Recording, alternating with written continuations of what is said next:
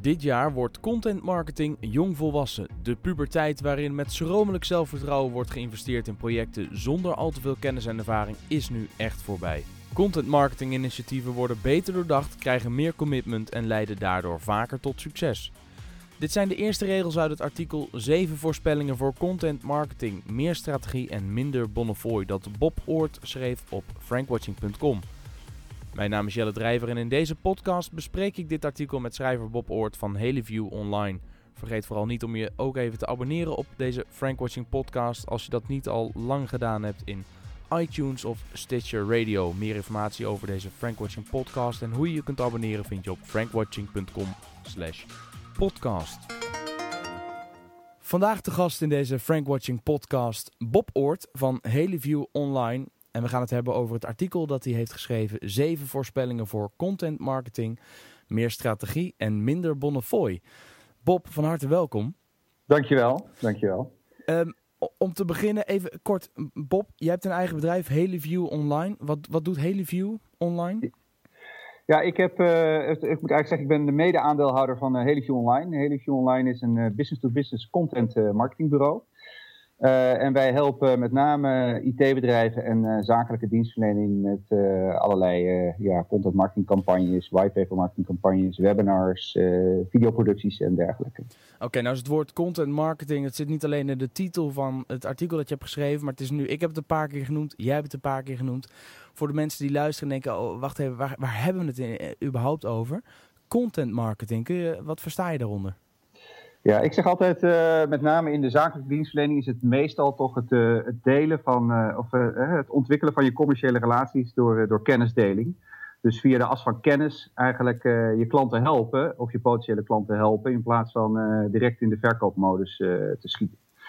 En ehm, ja, de laatste tijd zien we de term natuurlijk veel terugkomen, maar ik heb nog eens een keer een blogje geschreven, heel lang geleden voor Frankwatching, met een voorbeeld in de Gouden Eeuw. Dat was uh, Jan van der Heijden, die gebruikte content marketing uh, toen hij de, uh, de brandspuit had uitgevonden. en daar onder andere een whitepaper over schreef, later een, een boek, mooie illustraties maakte, zelfs gedichten erover. dus die gebruikte allerlei content formats om zijn brandspuit te verkopen en met groot succes. Want er werd in elke wijk in Amsterdam na een adviestraject van hem om ook een vrijwillige brandweer per wijk op te, op te zetten, volledig uitgerold. Kijk. Uh, en uh, ja, wat dat betreft is het volgens mij nu niet anders als je een whitepaper schrijft of uh, als je via social media je doelgroep opzoekt. het gaat om, om mensen die wat vroeger in de buyer journey zitten te helpen met hun ideevorming en hun te binden, een relatie met hun op te bouwen. Dat tegen de tijd dat iets verkocht moet worden, dat je dan geen koude relatie hebt, maar een warme relatie. Oké, want hoe, zit die, hoe ziet zo'n buyer's journey eruit en welke rol speelt content marketing daar dan in? Nou, met de buyer journey is ook zo'n term die we steeds uh, vaker uh, tegenkomen, net als uh, buyer persona's. En met de buyer journey wordt eigenlijk bedoeld hè, de reis die een, die een potentiële klant maakt naar een, voordat hij iets, iets aankoopt. Hè. Dus je kan je voorstellen dat daar, voordat je een investeringsbeslissing neemt, dat je uh, eerst bezig bent met uh, bijvoorbeeld ideevorming en je oriënteren. en als je een aantal, aantal, aantal, alternatieven hebt bekeken, dat je dan pas een keuze maakt. en na dat keuzemoment dat je er natuurlijk er gebruik van gaat maken en dat, er, dat je er eigenlijk misschien steeds meer uit zou kunnen halen. Nou, dat hele traject van voordat je klant bent totdat je een, een, een trouwe klant bent, dat wordt ook al de buyer journey genoemd. Ja, dan heb je die buyer perso uh, persona. Help even. Ik, ben, uh, ja, ik, heb, ik heb geen idee. Nou, de, de buyer persona is een eigenlijk een mooi uh, woord voor degene die in potentie jouw product koopt. Dus het, de, de, de, het, typische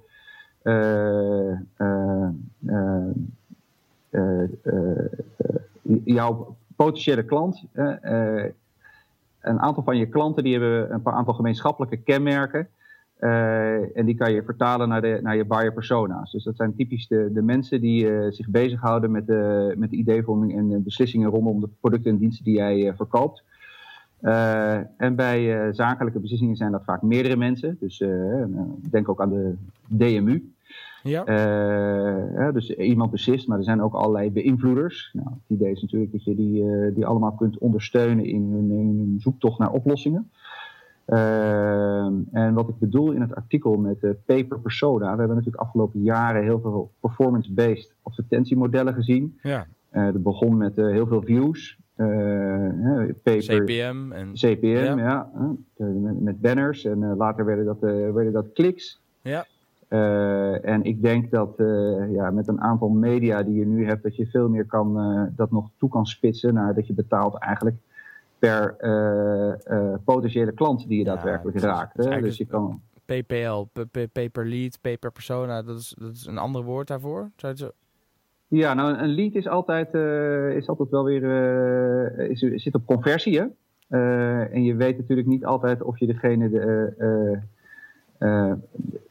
een, conversie hoeft nog geen lead te zijn. Hè? Dus uh, je kan een heleboel conversie hebben met, met allerlei mensen die niet tot jouw doelgroep behoren.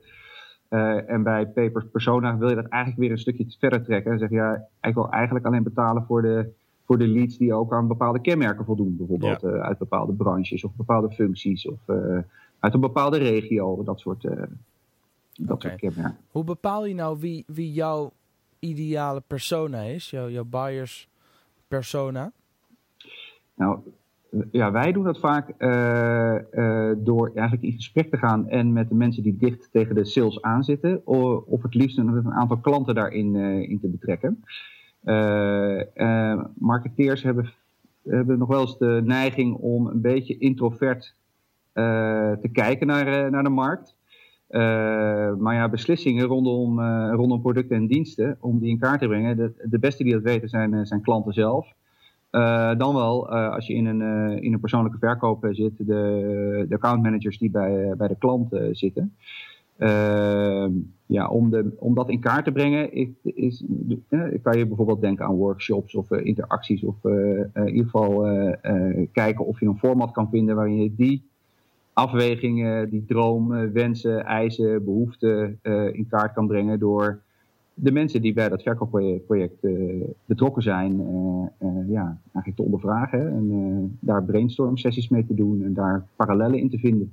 Oké, want je zegt, ik lees een stukje voor uit je artikel. In de afgelopen jaren lag er een grote focus op het opbouwen van eigen communicatiekanalen door bedrijven zoals nieuwsbriefabonnees, social media volgers en appgebruikers.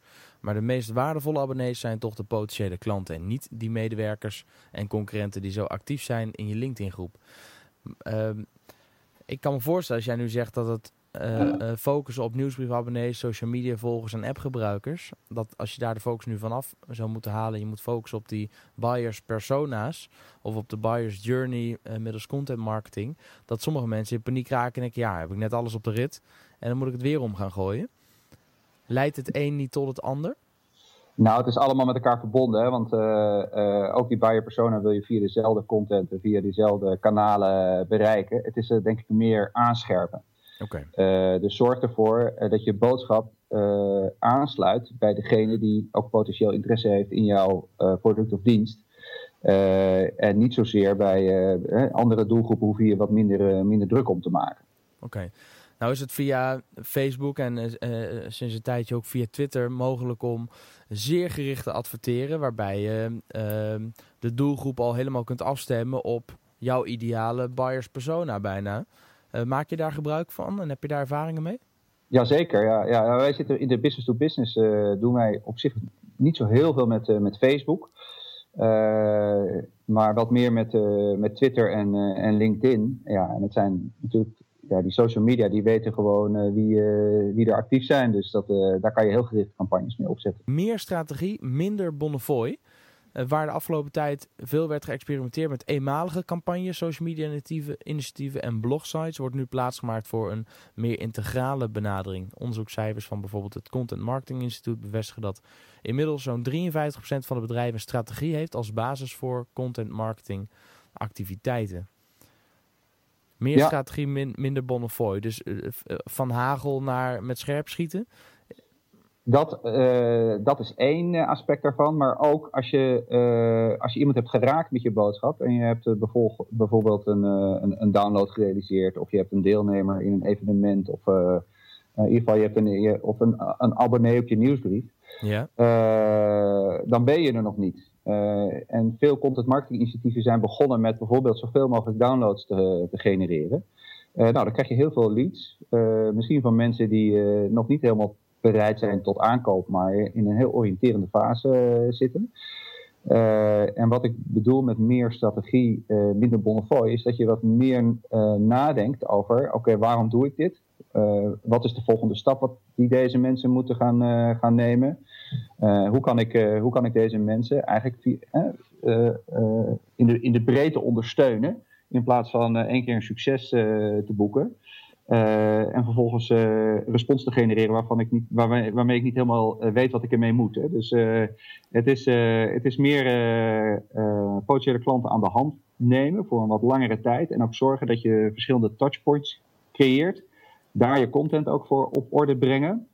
en dat kan alleen als je een wat langere termijn commitment hebt. een wat langere termijn plannetje. En dus eigenlijk een strategie. Welke systemen ken je die kunnen helpen om, uh, nou ja, om die acties in kaart te brengen en om die, die, die, die klant, die persona zoals je het noemt, te volgen in die journey?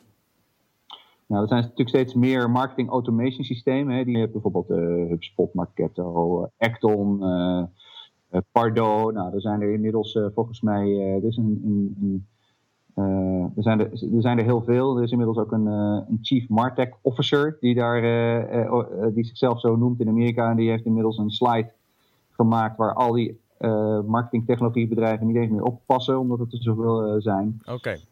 dus er is denk ik genoeg. En er zijn ook heel veel laagdrempelige methodes, denk ik. Ik bedoel, je kan een zwaar marketing automation systeem inzetten, maar de, je kan ook beginnen met je, met je e-mail tool en, en je WordPress site en daar een, een, database achter bouwen. Maar er is steeds meer mogelijk. Oké, is, is dat ook iets waar jullie bedrijven mee helpen of zitten jullie meer op, op echt pure content creatie? Nou, wij hebben een, wij hebben een eigen systeem, zoals dat, zoals we het noemen. we hebben een zeg maar twintigtal websites die, die draaien op, op onze omgeving, die we, waarvan we zelf uitgever zijn. Ja. Uh, en daar draait achter een, uh, een, een, systeem waarin we mensen op maat kunnen bedienen. Afhankelijk van de interesses die ze hebben, uh, krijgen ze bepaalde content geserveerd. Ja. En daarmee kun je als bedrijf ook op maat je eigen campagnes inrichten met je eigen doelgroep. Wat goed. HubSpot is denk ik een van de, van de bekende partijen in Amerika die daarmee bezig zijn. Maar jullie hebben een eigen systeem ontwikkeld om dat hier in Nederland ehm, te doen en meer maatwerk begrijp ik van je. Ja, eigenlijk al omdat we. Ik ben mijn bedrijf zo zeven, acht jaar geleden begonnen. Uh, en toen waren die systemen ook nog niet zo, uh, niet zo aanwezig. Dus we zijn eigenlijk begonnen met een eerste soort, soort, soort backend te maken daarvoor. en, daar, en, dat, en dat communiceert met, met verschillende content management systemen. Dus bijvoorbeeld met, met Umbraco met WordPress. dan kan je daar weer op maat ja, zaken mee inrichten. Handig, daar ga ik me eens wat meer in verdiepen. Daar wil ik wel meer over weten. Je zegt ook de content verbetert. Dat is punt 2. Meer strategie leidt tot steeds meer bedrijven de tijd nemen om de buyer's journey van de potentiële klanten echt te begrijpen. En eindje verderop zeg je, daar maakt productgerichte content plaats voor content die de doelgroep echt als waardevol ervaart. En omdat veel bedrijven content marketing omarmen, ontstaat niet alleen een overdaad aan content, maar neemt ook de noodzaak om content uniek, vermakelijk en aantrekkelijk te maken. Ik kan me voorstellen dat er ondernemers luisteren of markten denken: oh man, waar begin ik aan? Dan moet ik, moet ik ook nog eens zorgen dat het uh, uh, vermakelijk is en dat het aantrekkelijk is. En uh, dan hebben we eindelijk net social media in de vingers. En dan, dan, en dan nu dit weer. Ja, maar ook met social media denk ik uh, dat het geldt dat het, uh, dat het vermakelijk uh, moet zijn of dat het iemand raakt. Want als, je, als je maar wat in, de, in de ether gooit of in, de, in, in, de online wereld communiceert, zonder na te denken wie is de ontvanger hiervan en, en, heeft hij daar iets aan, dan kan je het net zo goed niet doen volgens mij. Ja. Ehm, en ja, ik denk dat marketing nog steeds aan het begin staat van een van een wat meer een tijdperk waarbij de klant centraal staat in plaats van uh, het bedrijf of het, uh, of het product. Uh, en ja, dat is ook een kans om je te gaan onderscheiden. Want ik bedoel, er wordt wel veel gedaan. maar het is nog, nog niet te vroeg om onderscheidend hierin, hierin op te treden, denk ik. Dan gaan we door naar punt 4. Lead nurturing krijgt prioriteit. Ja, nou sluit eigenlijk aan, denk ik, een beetje op die strategie. Ehm, kijk, marketing en sales, uh, natuurlijk van, uh, vanuit de historie, uh, daar bestaat nog wel eens een gap tussen. Wat, wat een marketingafdeling doet, communiceert. Ja. En vervolgens wat de, wat de salesorganisatie met die leads gaat doen. Of, of, of, wat die daarvan vinden. Ehm, en ehm, wat ik net al een beetje zei, als je, als je, ideevormende, als je ideevormende content gebruikt om bijvoorbeeld respons te genereren, er nog best eens een heleboel leads tussen kunnen zitten die nog niet klaar zijn om een afspraak te maken met een accountmanager. Hoe kwalificeer je dan die leads? Dat kan je bijvoorbeeld doen door, één is denk ik afhankelijk van welke content je, je aanvraagt. Hè? Dus ja. bijvoorbeeld, ik noem iets als, als CRM. als jij een een marktonderzoek uh, aanvraagt uh, waarin uh, de staat van klantgericht ondernemen in Nederland staat beschreven. Ja, is dat nou niet direct de aanleiding om een nieuw CRM-systeem te kopen als mensen dat hebben gedownload bijvoorbeeld? Dat kan wel heel relevant zijn voor je, voor je doelgroep om daar een, een band mee op te bouwen.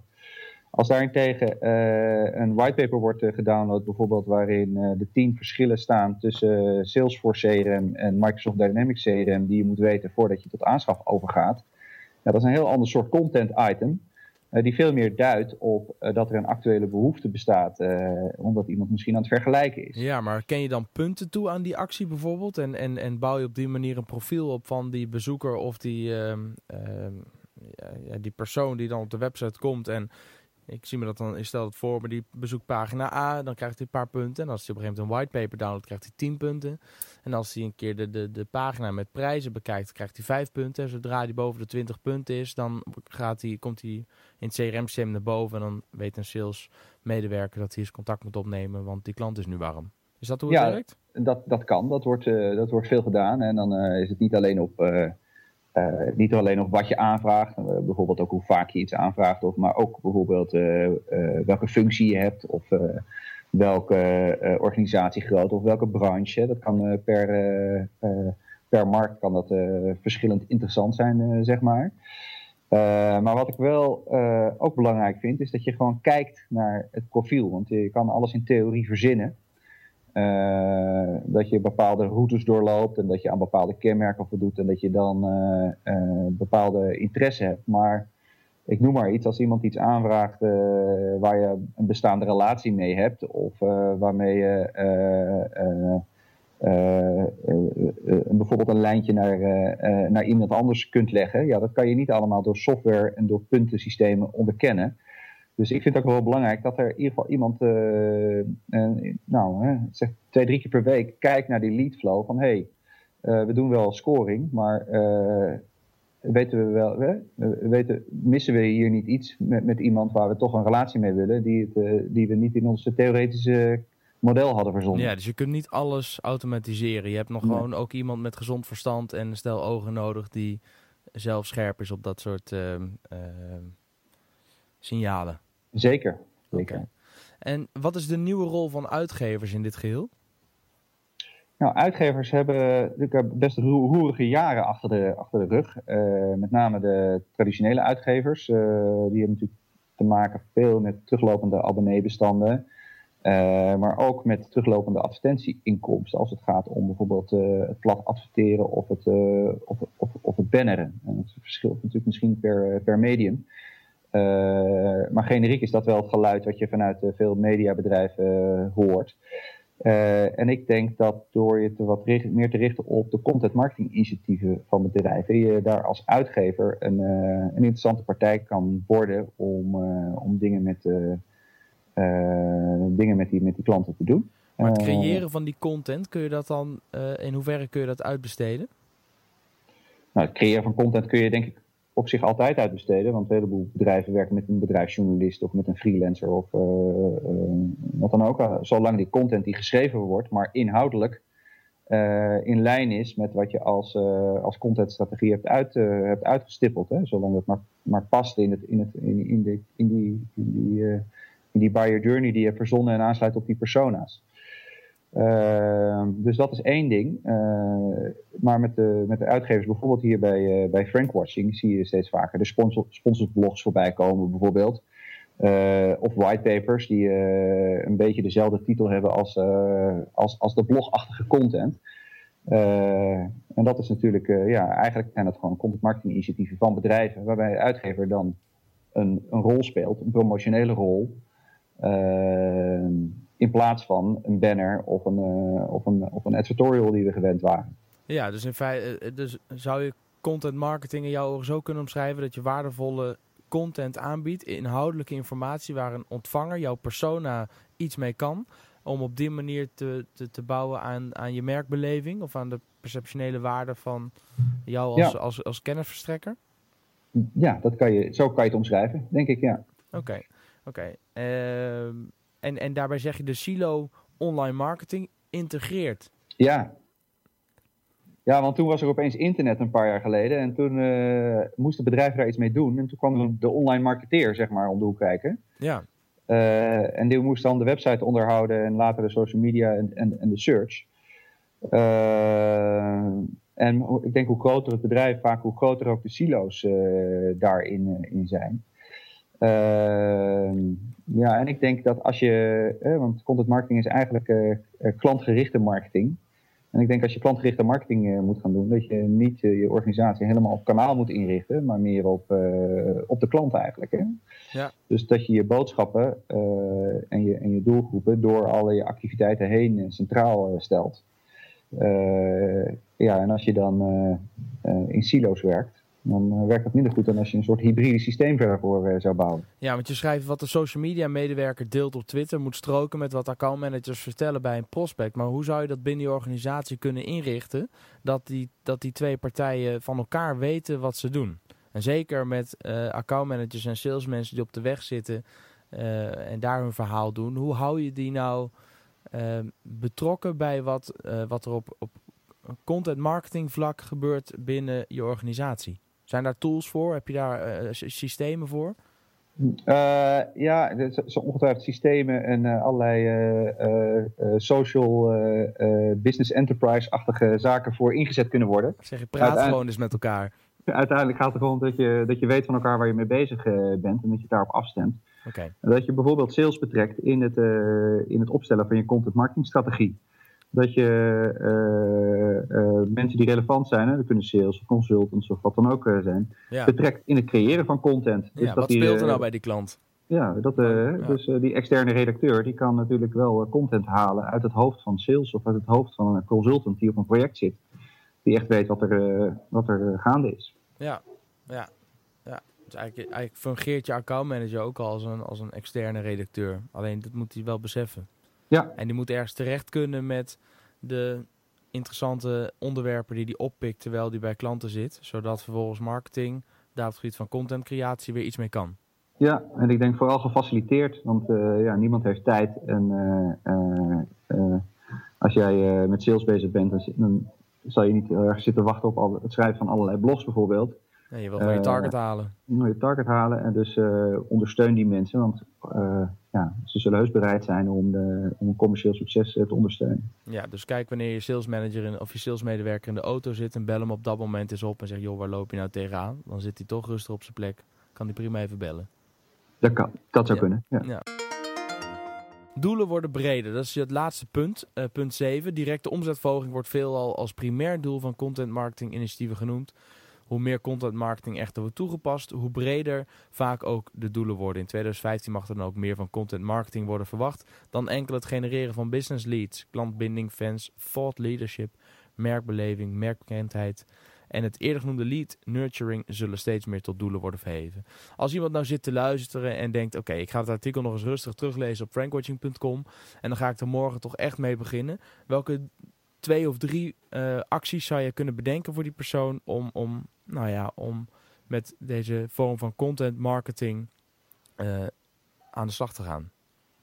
Nou, ik denk actie, uh, actie nummer één is, is kijken waar, waar de pijnpunten van je, de, met name de informatiepijnpunten als het op zakelijke dienstverlening gaat, van je potentiële klant zitten en daarop focussen. Dus focus op het helpen van je, van je klant. Ehm, en dat, ik denk dat dat altijd nummer één zou moeten zijn. begin where it hurts most, zeg maar. Ja. en daarnaast in het, in het, doelen worden breder. we hebben natuurlijk eigenlijk ook dit gesprek met name gehad over lead generatie en over het aankoopproces. Maar content marketing is natuurlijk ook een fantastisch middel om je bestaande klanten trouwer te maken en te binden. En daar mag ook wel eens een keer wat meer aandacht naar uitgaan binnen het vakgebied, denk ik. Oké. Dan heb ik nog een aantal reacties op je artikel. Ik vind het leuk om daar samen nog even doorheen te lopen en kijken of je nog kunt reageren op een, op een aantal punten. Zo, zo zegt Paul Haarman van Ed Haarman Internet die zegt vooral punt 7, het verbreden van de doelen zie ik als een nieuwe trend. dat geldt dan met name voor bedrijven die al met content marketing een aanvang hebben genomen. Nou, dus dat is mooi, dat is een compliment. Die zit het ermee eens, dus daar ben ik het mee eens. Dat is fijn. Even kijken hoor. John van Monkey 12 zegt, uh, we zien deze ontwikkeling ook heel sterk. Marketing heeft echter veel moeite met punt 4, lead nurturing krijgt prioriteit. Marketing vergeet vaak om leads eerst te kwalificeren. Overleg tussen marketing en sales over een gekwalificeerde lead is essentieel. Um, nou weet ik, ja, ik ga ervan uit dat John werkt bij Call Monkey 12. Uh, eh, geen idee. Maar wat zou jij John uh, als advies geven? Ja, nou, de uh, kwalificatie is denk ik één punt. het tweede is, waar we het ook wat net over hadden gehad, is dat, is dat je een volgtraject nodig hebt. Dat je op het moment dat je een lead binnenkrijgt. Dus, en moet je dat dan uitschrijven, dat vervolgtraject?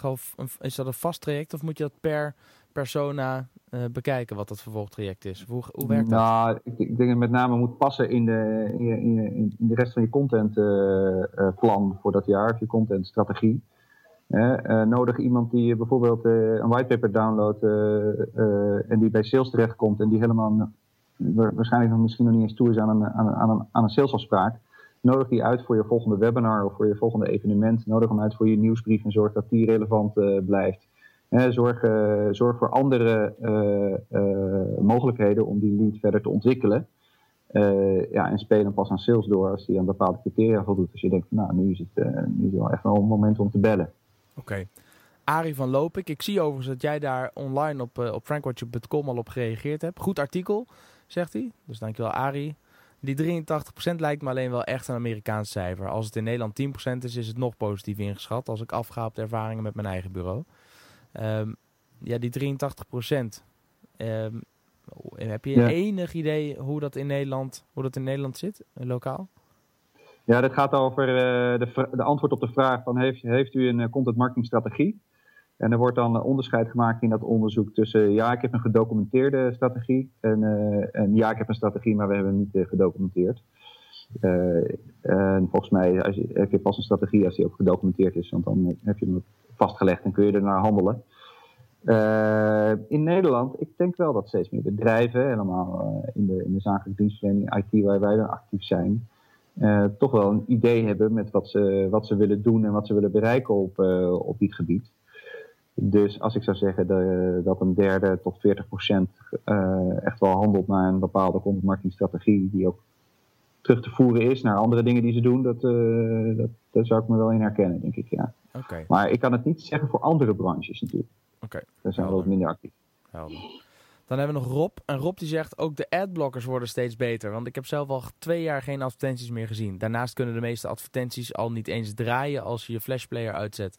Wat ik standaard doe en mensen om mij heen ook nog steeds. Wat dat betreft is de enige reclame die ik zie de billboards langs de weg of in de stad. Is content marketing een oplossing om die mensen uh, weer te bereiken?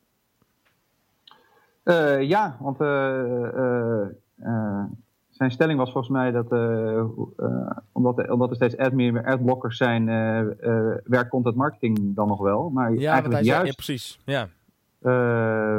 want content marketing is, is vul je met name eigenlijk content in je eigen kanalen en bouw je eigen volgersgroep op, doelgroep. Ehm, dus ja, het is juist een alternatief voor, voor bannerblindheid en, en, en, en schreeuwerige advertentieteksten. dus we kunnen hem blij maken, denk ik, Kijk. met deze ontwikkeling. Dan heb ik nog een aantal uh, vaste vragen die ik vanaf nu af aan ga stellen aan alle gasten in deze Frank Watching podcast. Wat is je favoriete managementboek, Bob, en waarom? Ja, managementboeken lees ik eigenlijk weinig. Uh, ik ben ook niet zo meer, zozeer een manager, maar meer een marketeer. Dus ik, uh, ik heb gekozen voor een marketingboek. Helemaal goed. En, en, het leukste boek wat ik afgelopen tijd heb gelezen was Utility van Jay Baer. Oké. Okay. En het leukste vind ik wat hij, wat hij stelt is eigenlijk... ja, marketing zou eigenlijk zo goed moeten zijn dat mensen er bereid zou, zouden voor zijn om ervoor te betalen. Okay. Dus uh, zorg voor zo'n leuke marketing dat mensen het, uh, het, het, dusdanig waarderen dat ze het ook als, als dienst hadden willen afnemen, zeg maar. Oké, zo leuk, opvallend, vermakelijk zou marketing moeten zijn. Dat mensen bereid zijn om er geld voor te ja, betalen. Ja, of, of, uh, of zo waardevol. Hè? Dus okay.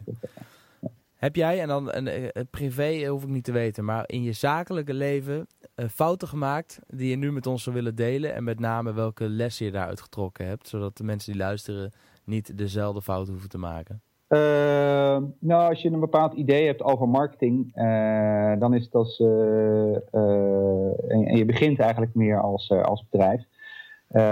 laat je dat niet te veel afleiden door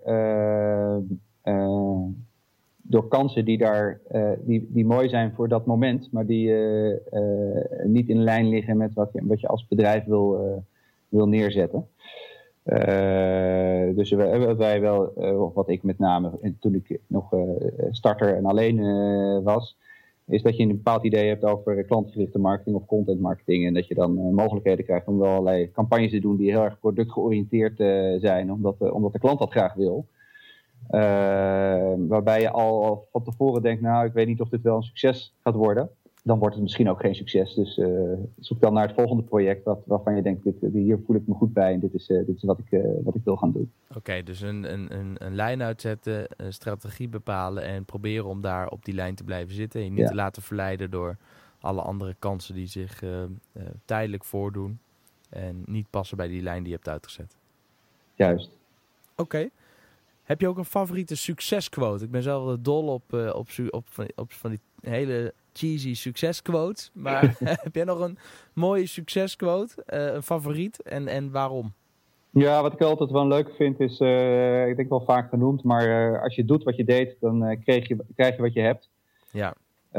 en helemaal in, ja, in, de, in deze wereld die zich snel ontwikkelt, is, het, uh, is het soms uh, moeilijk om afscheid te nemen van methoden die in, die in het verleden werkten, maar je gewoon en eigenlijk open te stellen voor allerlei nieuwe kansen en ontwikkelingen. Ja. Dus ik zou zeggen, probeer ook buiten je, buiten je vaste stramien te kijken en blijf vooral alert op allerlei mogelijkheden die zich opdoen. En experimenteer daarmee.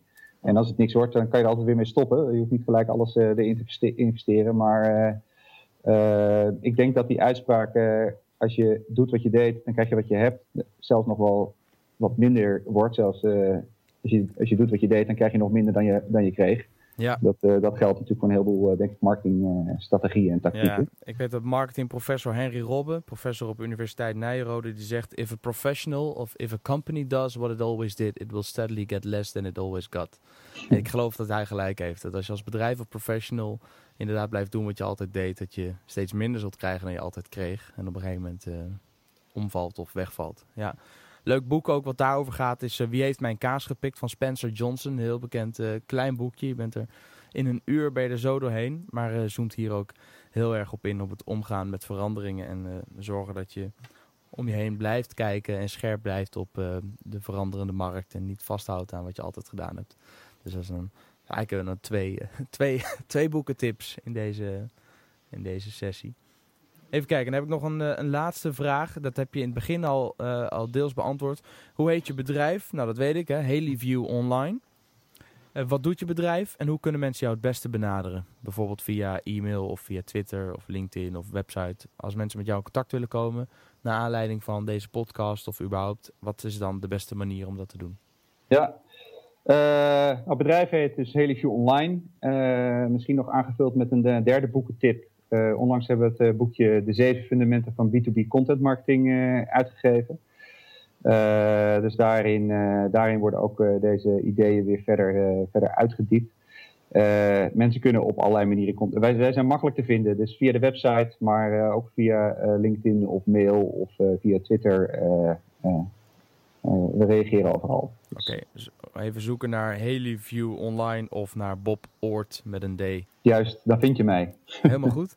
Bob, mag ik jou enorm bedanken voor je tijd en voor dit leuke gesprek over uh, content marketing. En met name de zeven voorspellingen voor content marketing, meer strategie en minder bonnefoy. Jij ook bedankt en uh, ik ben benieuwd naar het resultaat, dus ik ga zeker luisteren. Top, hij komt uh, op een dinsdagochtend vroeg online op onder andere iTunes, maar ook op Stitcher Radio. En anders is die altijd te vinden via frankwatching.com slash podcast. Dankjewel.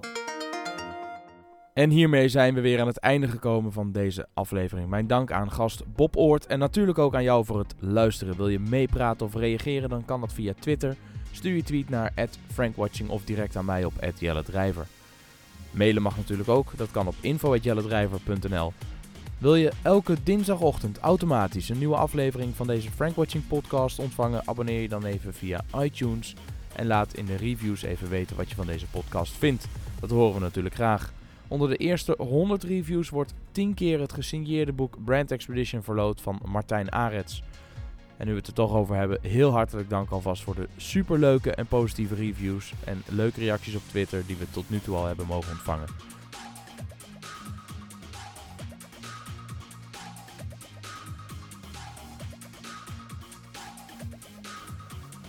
Mijn naam is Jelle Drijver. Tot de volgende podcast.